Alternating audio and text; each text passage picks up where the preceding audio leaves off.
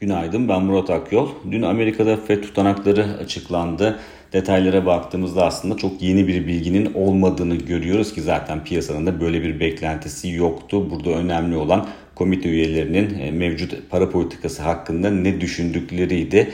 Burada da e, gelecek toplantılarda 50 bas puan ya da 75 bas puanlık arttırım ihtimalinin daha yüksek olduğu sonucu ortaya çıkıyor.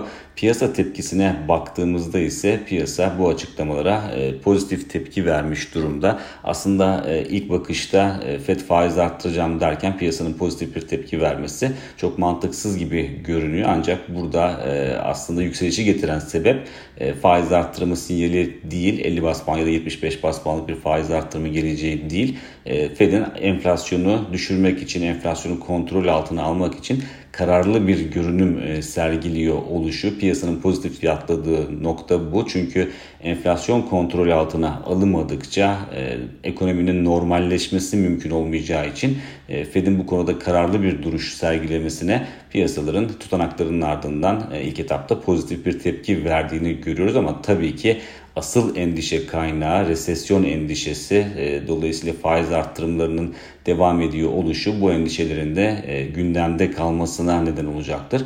Bu da e, volatilitenin bir süre daha piyasalarda etkili olabileceğini çok net bir şekilde e, gösteriyor. İçeriye döndüğümüzde ise içeride BIST endeksinde dün pozitif bir eğilim vardı. Önceki günkü satış baskısının ardından endekste tepki alımları eşliğinde güç kazanma çabası hakimdi ve %1.5'lik yaklaşık %1.5'lik değer kazanımıyla endeks günü 2400 puan seviyesinin e, üzerinde tamamlamayı başardı. Teknik açıdan baktığımızda burada önemli gördüğümüz e, nokta özellikle 2405 puan seviyesi. Bu seviyenin üzerinde kalındıkça, bu seviyenin üzerinde arka arkaya kapanışlar yapıldıkça aşağı yönlü riskler e, azalacağı gibi endeksin yukarı yönlü tepki verme potansiyeli de artış gösterecektir. Dolayısıyla önümüzdeki e, bir buçuk günlük süre zarfında e, endeksin bu seviyenin üzerinde kapanışlar yapması teknik açıdan oldukça önemli diyebiliriz. Diğer taraftan e, dolar TL'ye baktığımızda ise dolar TL'de e, özellikle 16.75 seviyesinin geride kalmasının ardından yukarı yönlü eğilim güç kazandı. Teknik dengeler zaten e, belirgin şekilde bu seviyenin kırılmasıyla birlikte değişmeye başlamıştı. E, burada tabii ki en önemli faktör e, dolar endeksinin küresel ölçekte güç kazanıyor oluşu. E, bunun yansımalarını yurt içinde de çok net bir şekilde gördük. Bunun yanında ek olarak tabii ki TL üzerindeki baskının biraz daha fazla olduğu da gerçek. Bu da daha çok e, enflasyonun %80 sınırına yaklaşmış olması ve e, reel faizin giderek e, derinleşen bir negatif etkiyle devam ediyor oluşu TL üzerindeki baskının tabii ki e, daha fazla olmasına neden oldu ve bu da e, TL'nin diğer gelişmekte olan ülke para birimleri arasında e, negatif ayrışan bir e, tablo çizmesine yol açtı.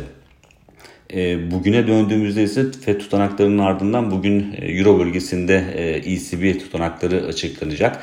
Tarihsel olarak baktığımızda aslında ECB tutanaklarından çok yeni bir bilginin çıkmadığını biliyoruz. Etki derecesi son derece limitli kalmıştı geçmişte ECB tutanaklarının ama bu kez durum biraz farklı olabilir. Çünkü Temmuz ayında ECB'nin 25 bas puanlık bir faiz arttırımına gitmesi bekleniyor. E, 50 bas puanlık bir arttırım da Eylül ayında bekleniyor. Ama e, enflasyonun e, Euro bölgesinde yıllık bazda %8'in üzerinde seyretmesi nedeniyle ECB'nin Temmuz'da belki 50 bas puanlık bir arttırım yapma ihtimali de söz konusu olabilir. Her ne kadar son açıklanan PMI rakamları, PMI hizmet rakamları bu yönde ihtimalleri biraz daha azaltmış olsa da hala 50 bas puanlık artırım ihtimali söz konusu olabilir. Dolayısıyla e, tutanaklarda da bu konuda belki e, daha fazla ipucu görmeyi bekleyecektir piyasalar.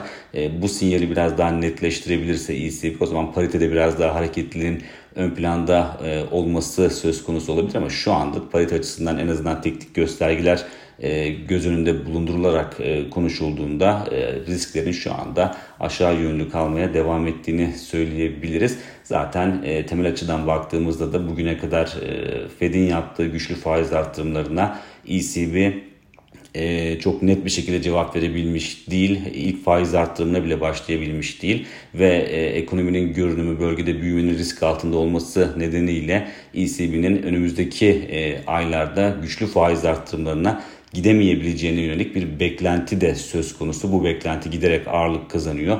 Dolayısıyla faiz farkları arasındaki bu durum kısa vadede en azından dolar lehine bir tablo çizmeye devam ediyor.